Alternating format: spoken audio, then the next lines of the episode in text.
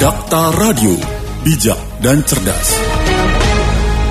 Rekan Dakta beberapa waktu lalu Ustadz Farid Utbah ini ditangkap oleh Densus 88 dituduh terlibat dalam jaringan terorisme.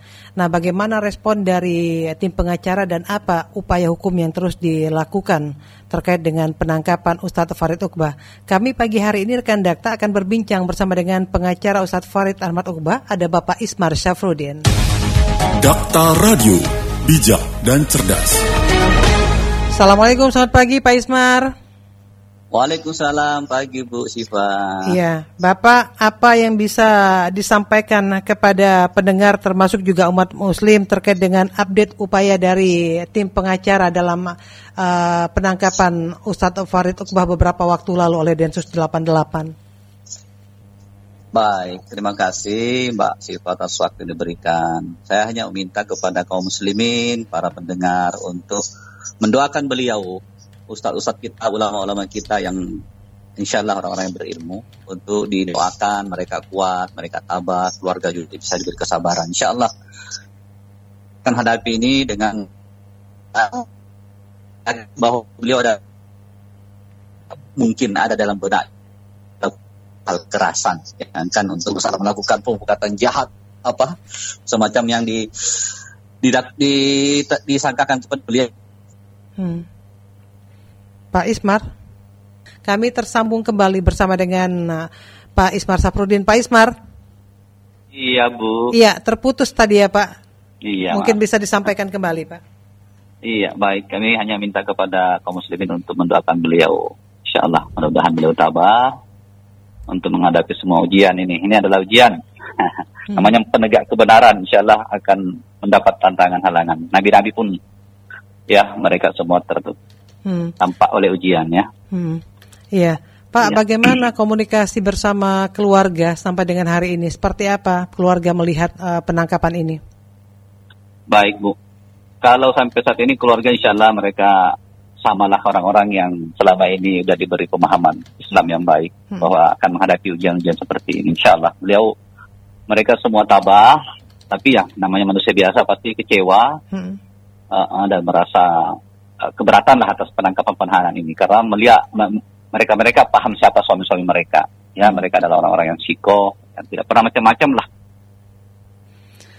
Jadi insya Allah uh, belum sudah berkeyakinan bahwa ini memang salah satu jalan Allah hmm. yang harus dihadapi. Iya. Bagaimana tim pengacara melihat uh, tuduhan yang diberikan kepada Ustadz Farid bahwa terlibat dalam jaringan terorisme? Pak Ismar? Iya, Bu. Saya malah uh, melihat kasus ini sampai saat ini karena tidak diberi akses apa pun ya. Saya semakin yakin bahwa beliau tidak bersalah dan ini hanya uh, apa ya nggak tahu apa motif dari ini semua. Yang pasti kalau melihat profil beliau kan jauh lah dari tuduhan-tuduhan. Kan ini pasal yang dituduhkan dalam masalah teroris. Hmm. Teroris itu kan uh, pasal 15 ya hmm. uh, Undang-Undang Nomor 5 tahun 2018 itu melakukan pemufakatan jahat persiapan percobaan atau pembantuan untuk melakukan tindak pidana terorisme dengan sengaja menggunakan kekerasan atau ancaman kekerasan bermaksud untuk menimbulkan suasana teror atau rasa takut terhadap orang secara meluas atau menimbulkan korban yang bersifat massal dengan cara merampas kemerdekaan atau hilangnya nyawa atau harta benda orang lain atau untuk menimbulkan kerusakan atau kehancuran terhadap objek-objek vital yang strategis atau lingkungan hidup atau fasilitas publik atau fasilitas internasional hmm. atau dengan sengaja memberikan bantuan atau pembunuhan terhadap pelaku untuk tindak pidana terorisme dengan menyembunyikan informasi tentang tindak pidana terorisme.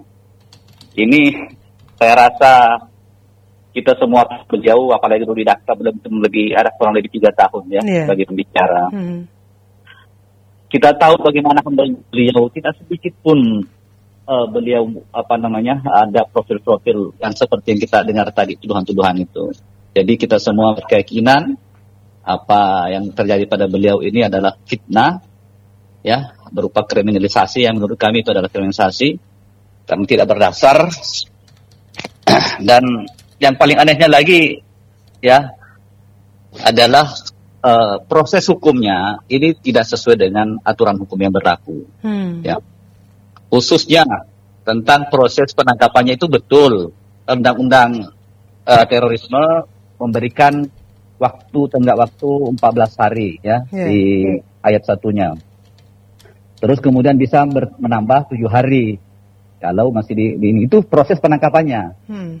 ya tapi pelaksanaan eh, di ayat tiganya itu pelaksanaan penangkapan orang yang diduga melakukan tindak pidana terorisme sebagaimana dimaksud pada ayat 1 dan ayat 2 harus dilakukan dengan menjunjung tinggi prinsip hak asasi manusia. Hmm. Tim pengacara Ya. melihat itu terabaikan. Nah, coba saya ini lagi. Di, di Iya. poin 4 lagi, setiap penyidik yang melanggar ketentuan sebagaimana dimaksud dalam ayat 3 dipidana sesuai dengan ketentuan peraturan perundang-undangan. Dipidana loh, Hmm. ya. Kemudian proses untuk melakukan penyidikan ini kan menggunakan KUHAP. Pasal 54 KUHAP itu kitab hukum acara Iya. pidana. Itu kan ya. Saya bacakan ya, guna kepentingan-kepentingan pembelaan tersangka atau terdakwa berhak mendapatkan bantuan hukum dari seseorang atau lebih penasihat hukum selama dalam waktu dan pada setiap tingkat pemeriksaan menurut tata cara yang ditentukan dalam undang-undang ini. Coba. Pasal 69-nya, penasihat hukum berhak menghubungi tersangka sejak saat ditangkap atau ditahan pada semua tingkat pemeriksaan menurut tata cara ditentukan dalam undang-undang ini. Ya, kemudian undang-undang advokat. Advokat adalah orang yang berprofesi, berprofesi memberi jasa hukum, baik dalam maupun luar pengadilan yang memenuhi persyaratan berdasarkan ketentuan undang-undang ini. Kemudian ini deklarasi universal hak-hak asasi manusia yang ditetapkan pada sidang Majelis Umum PBB tanggal 10 Desember melalui resolusi 217A 3. Itu kan jelas bahwa orang-orang yang dilakukan penangkapan atau ditersangkakan itu di harusnya diberikan akses untuk mendapatkan pembelaan dari pengacaranya. Hmm. Ini sampai sekarang belum. Belum sama sekali. Jangankan untuk melakukan pendampingan, diketahui di mana pun lokasinya kami belum tahu. Jadi sampai hari ini Hmm. pengacara belum tahu di mana Ustadz Farid ini Betul, posisinya sampai sekarang. kami belum diberitahu sama sekali dan kami sudah melakukan upaya-upaya hukum karena eh, salah satunya mungkin semua pada dengar melalui konferensi pers atau di di media Hmm. pihak Mabes Polri menyatakan bahwa karena pengacaranya atau apa PH dari tersangka maupun keluarganya itu belum pernah ada yang datang ke Mabes Polri.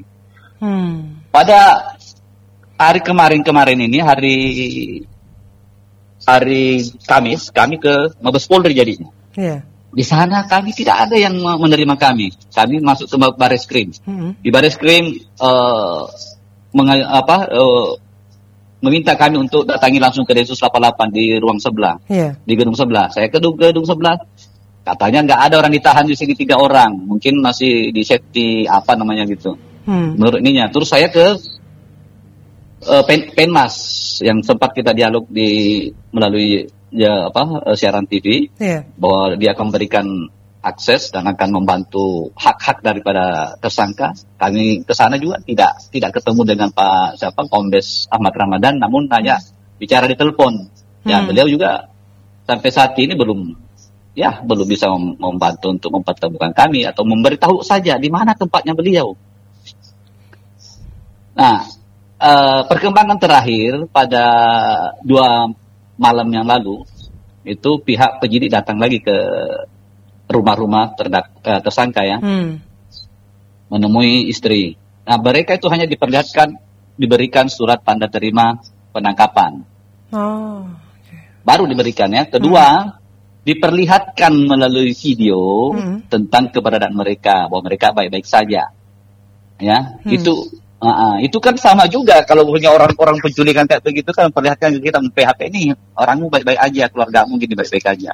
Suruh bicara bahwa saya baik-baik saja, tapi itu kan jauh dari cukup. Iya. Ya, tapi setidaknya kami sedikit agak lega bahwa apakah diambil udah lama atau beberapa hari yang lalu atau memang baru-baru sebelum di- mereka pada datang ya mudah-mudahan aja sesuai dengan apa yang kita lihat. Jadi sedikit ada lega dari keluarga dan kami PH diperlihatkan adanya foto beliau bahwa di- bicara bahwa beliau menyampaikan kami insya Allah masih sehat-sehat, baik-baik saja. Dan Ustaz Dr. Zain sempat agak bercanda beliau. Hmm. Ah. Nah, Hmm. Ya sebagaimana kita tahu profil beliau tetap aja Iya. insya Allah, Alhamdulillah. Hmm. Iya, tentu uh, tim pengacara tidak mudah untuk mengawal ini, tetapi uh, berapa rencana tim yang akan mendukung atau juga uh, mendampingi dari Ustadz Farid Uqbah dan yang lainnya, Pak Ismar? Iya, untuk sampai saat ini yang yang sudah mendaftarkan ke kita itu yang yang, yang sempat kita tulis. Iya itu sudah kurang lebih ada hampir seratusan itu saya lihat. Saya saya belum detailnya saya ini, tetapi hmm. udah udah udah lumayan banyak itu udah berapa lembar udah ada empat lembar kali itu yang ini ya. Uh, namun masih banyak yang me menghubungi kami untuk minta dijadikan uh, salah satu apa uh, kuasa dalam dalam hal ini untuk pembelaan terhadap beliau. Beliau ini kan adalah milik umat. Ya, yeah. kita paham bersama bahwa murid-murid beliau sudah seluruh Indonesia. Hmm. Ya, bahkan sampai ke luar negeri hmm, ya, negeri. kalau Ustaz Farid sama Dr. Yeah. Zen. Zen. Hmm. Iya. Jadi yeah. harapan kami ini, Mbak ya. Uh, dengan kejadian ini, kejadian penangkapan ulama-ulama kita, termasuk juga uh, sahabat kita uh, Kanda Munarman Sarjana Hukum, hmm. ini kita harus ambil hikmahnya bahwa saya yakin dengan kasus ini mungkin akan membuka bagaimana proses yang sebenarnya tentang penanganan kasus selama ini di Densus 88 bahwa banyak kejanggalan ya. Yeah. Uh, uh, kalau makanya saya minta kepada masyarakat kepada media semua untuk betul-betul mengawal kasus ini supaya di betul-betul penanganan kasusnya sesuai dengan prosedur hukum. Karena apa? Setahu saya kasus-kasus terdahulu itu banyak yang terjadi uh, apa penanganan kasus hukum yang di luar dengan sistem proses uh, yang sebenarnya. Hmm. Makanya orang-orang tiba-tiba udah langsung aja kita dengar oh udah udah diputus bersalah. Hanya awal-awalnya ditangkap, di framing begini begini oh dihukum sekian tahun, sekian sekian tahun ya. Karena pada beberapa pengalaman saya dan ini terjadi lagi. Ya, ini terjadi lagi untuk kasus ini. Adanya sedikit adanya apa namanya semacam uh, telepon ya ya se dan sehingga klien kita ini salah satu ibu ini merasa ketakutan. Yeah. Nah, karena diminta untuk uh, di mau apa mau bertemu. Mereka itu uh, salah satu yang menelpon mengaku penyidik dari Densus mengaku ya. Hmm. Tapi waktu pertemuan mereka kemarin itu bu, ibu ini langsung ngomong ini orang yang yang yang ambil nomor handphone saya dan suaranya persis dengan ini bapak ini. Dia menunjuk langsung nih ibu ibu ibu salah satu ibu yang yang yang ditelepon dan yeah. itu kami dengar semua.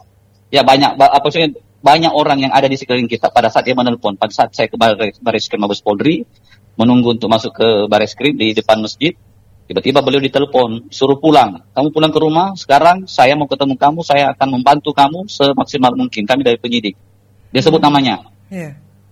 Bahwa uh, kalau mau dia, uh, kalian kita bilang bahwa ini ada ini pak, uh, kami lagi di Mabes Polri bersama pengacara kami. Bagaimana kalau kami bertemu dengan pengacara? Kamu nggak boleh ketemu dengan saya kalau ada orang lain. Ketemu dengan saya kalau mau dibantu berdua saja. Hmm. Uh, sekarang dia bilang pulang aja. Kemudian kalau mau ini dibantu jangan bawa-bawa media, jangan bawa-bawa uh, lawyer. Kita bantu dengan uh, pengacara yang sudah kita siapkan. Yeah. Kalau mau Anda ke, uh, kooperatif, maka kami akan bantu Anda. Kejadian ini sebenarnya dari dulu penanganan kasus yang saya, saya tangani sama persis seperti ini.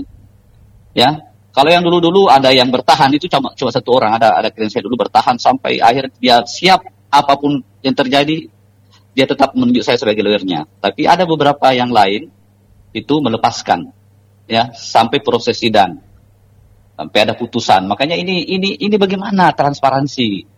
Padahal kalau betul-betul mereka ini kan harusnya lebih bagus kita terbuka. Apalagi kedang, dengan apa uh, jargon saat ini pers persisi polis kepolisian. Yang mudah-mudahan aja dengan Pak Kapolri yang baru ini dan Pak Densus Kadensus yang baru Pak Martinus yang mudah-mudahan mengubah itu. Tetapi ini ada lagi kejadian sama. Yeah. Gitu. Bahkan sampai ini Bu, saya dulu ada penangani kasus. Ya. Ini harus dibuka. Karena apa? Ini akan mengungkap kasus-kasus yang lainnya kalau kita kita ini. Ada kasus yang tangani dulu malah waktu itu beliau ini sudah dalam proses uh, apa dia lihat di koran bahwa teman-teman sudah ditangkap. Dia menunggu semingguan nggak ditahan. Kemudian beliau ke PBB waktu itu. Hmm. Di PBB Partai Bulan Bintang ya. Yeah. Menemui Pak Yusril bulan Ramadan kalau nggak salah. Terus saya dihubungi oleh teman-teman PBB, Pak Ismar karena Anda pengalaman sempat pernah mengalami apa menangani kasus uh, teroris, ini ada begini-begini. Saya bilangin uh, bicara sama saya, saya bicara sama dia, dia bilang betul ada teman saya ini. Saya bilang pengalaman saya, orang seperti ini ada sebenarnya gampang ditangkap. Cuma dilepaskan untuk nemui orang-orang. Saya minta dia ketemu di luar. Tapi saya minta minta data-datanya, saya bilang bikin kuasa. Saya langsung bikin kuasa pada saat itu dengan teman-teman yang lain. Tanda tangan kuasa, saya suruh pulang ke rumahnya, terus saya mengadukan kasus ini ke apa Komisi 3 dan sempat di, diundang ke Komisi 3. Kami kita audiensi bersama teman-teman uh, advokat lain. Di sana beliau apa oleh Komisi 3 memanggilkan uh, pihak uh, Densus waktu itu. Ya.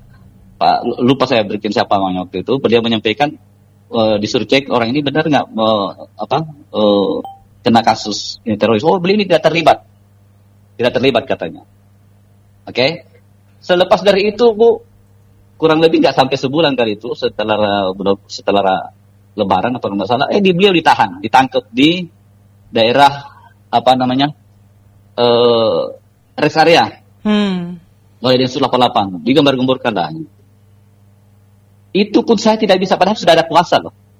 Sebelum dia masuk ya, di, dan itu dilihat semua oleh Komisi 3 pada saat itu. Yeah. Dia ditahan, saya mau masuk menemui beliau, saya tidak diberi akses. Ya, beliau sekarang nggak tahu dia diputus berapa. Kemudian, oke, okay, saya sempat di ini sama keluarga bahwa uh, uh, apa suami saya berubah sekarang, dia tidak mau didampingi oleh bapak. Kayaknya ada apa ini? Tanda tanya. Hmm. Oke, okay, saya bilang oke. Okay. Sama dengan ada kasus saya kemarin yang dulu saya bilang saya itu menanganinya setelah di pengadilan. Oke di pengadilan. Saya tunggu di pengadilan. Kalau memang ini. Tapi saya juga udah merasa uh, mungkin susah ini kayak ditangani kalau kayak begini. Sama lagi yang lalu-lalu. Tiba-tiba keluarganya menghubungi saya. Pak Ismar udah mau sidang. Saya mohon tetap Pak Ismar yang tangani hmm. kasus ini. Saya bilang oke. Okay, uh, eh, anda berani ambil resiko karena pengalaman kita ini kayaknya orang harus ini. Oh insya Allah kita berani Pak Ismar. Saya bilang kalau itu kita profesional deh, bayar saya. Kenapa? Kan kalau nggak dibayar mereka gampang pindah gitu loh. Yeah. Padahal kami salah selama ini tidak pernah uh, minta-minta uh, ke ke kalian-kalian seperti ini.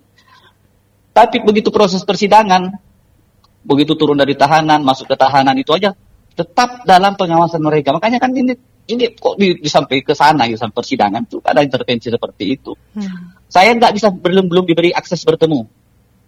Hatta sampai sidang, sampai sidang, Orangnya juga masih menyampaikan, Pak Ismail saya nggak berani, saya nggak berani, tolong oh, ini nggak bisa ya. Jadi ya udah, sampai sekarang nggak tahu saya putus berapa. Ada pengacaranya, kalau nggak salah itu siapa namanya, masih muda itu. Yeah. Ya sudah MH juga. Kayaknya memang yang di yang selama ini dianggap bahwa apa tim apa tim bela apa gitu deh. Di, di, tapi kan harusnya dikasih kemerdekaan mereka dong untuk ini. Nah ini terjadi lagi gitu loh. Ya, ini yang hal-hal seperti ini yang sebenarnya tidak boleh dilakukan oleh pihak oleh pihak uh, penyidik. Dalam hal ini berilah akses orang untuk betul-betul membuka kasus ini terang-terangnya. Jadi hal yang, yang mau sampaikan adalah memohon meminta betul-betul kepada masyarakat untuk mengawal kasus ini. Kita lihat sampai persidangan, kalau bisa syuting lagi dalam kayak persoalan kasus penghinaan agama yang kemarin itu jauh hmm. lebih enak, lebih transparan, ya kan? Hmm. Itu itu yang bisa membantu orang-orang yang, yang yang ini. Dan juga saya minta kepada para tahanan-tahanan yang terdahulu membuka bersuara lah bahwa betul ada kasus seperti ini. Saya insya Allah apa pun terjadi risikonya saya tahu, ya. Tapi insya Allah saya apa pun saya di ini pun saya sudah rela. Saya di Munar Mangkan pun saya rela, saya siap, ya karena uh, menyampaikan kebenaran adalah jihad yang terbaik. Apalagi ini kan sama halnya kita memperbaiki bangsa, memperbaiki uh, kepolisian kita kalau betul-betul ini diluruskan. Demikian mungkin Bu yang paling utama adalah bagaimana kasus ini harus betul-betul di, di, dijalankan sesuai hmm. dengan uh, aturan hukum yang ada. Ada uh, apa transparansi. Iya. Iya, jadi saya dulu saya mau sidang aja masih ada ada orang-orang bersenjata dekat kita kan bingung kita ini. Hmm. Saya sampai di sidang pun di dalam orang mau ini ada orang berdiri pakai senjata juga dengan pakaian yang ini saya bingung gitu bilang kok bisa seperti ini bagaimana orang bisa bisa memberikan keterangan yang ini kalau kalau ada ada semacam seperti itu yes. tidak ada kemerdekaan kan pada praduga tidak bersalah di mana yeah. iya jadi Ya. Pak Ismar, mungkin terakhir uh, umat juga mungkin terus memantau, terus menunggu perkembangan termasuk juga uh, mengetahui di mana posisi dari Ustadz Farid dan dua Ustadz lainnya. Tetapi apa sebetulnya yang ingin Pak Ismar sampaikan kepada uh, umat Islam, terutama para pendengar pagi ini? Ya, kembali saya katakan bahwa tolong doanya, doakan untuk ustadz-ustadz kita, doakan kepada kami untuk tetap tegar menyampaikan kebenaran di muka penguasa tolong uh, doakan mereka, mereka kami sehat, kami kuat ya. Dan yang utama adalah mohon kepada uh, masyarakat luas untuk betul-betul mengawal kasus ini. Ya, ya, karena sudah terlanjur masuk dalam proses hukum, silahkan kita betul-betul uh, ini uh, apa namanya uh, akan mengikuti proses ini sesuai dengan aturan yang ada. Tapi harus transparan dan sesuai dengan uh, hukum yang berlaku. Baik, Pak Ismar, terima kasih waktunya sudah berbincang bersama Dakta. Kami mendoakan mudah-mudahan tim pengacara juga diberikan kesehatan, kekuatan untuk mengawal kasus ini. Amin, amin, amin, amin, Bu. Oh ya, saya ini ya bahwa saya sudah sempat cek ngecek tentang halo, yeah. tentang laporan saya ke beberapa petinggi-petinggi di kepolisian. Mudah-mudahan hmm. mereka mau merespon tentang uh, misalnya ini minta perlindungan hukum ya ter hmm. terutama juga kepada klien kami yeah. supaya karena mereka merasa ketakutan jadi mungkin kami akan uh, dalam waktu dekat ini akan uh, secara resmi mungkin uh, minta tuh ke L, L, apa LPSK ya, untuk bertindak ya untuk karena ini ini kasus ini harus ya, ya memberikan perlindungan hukum hmm.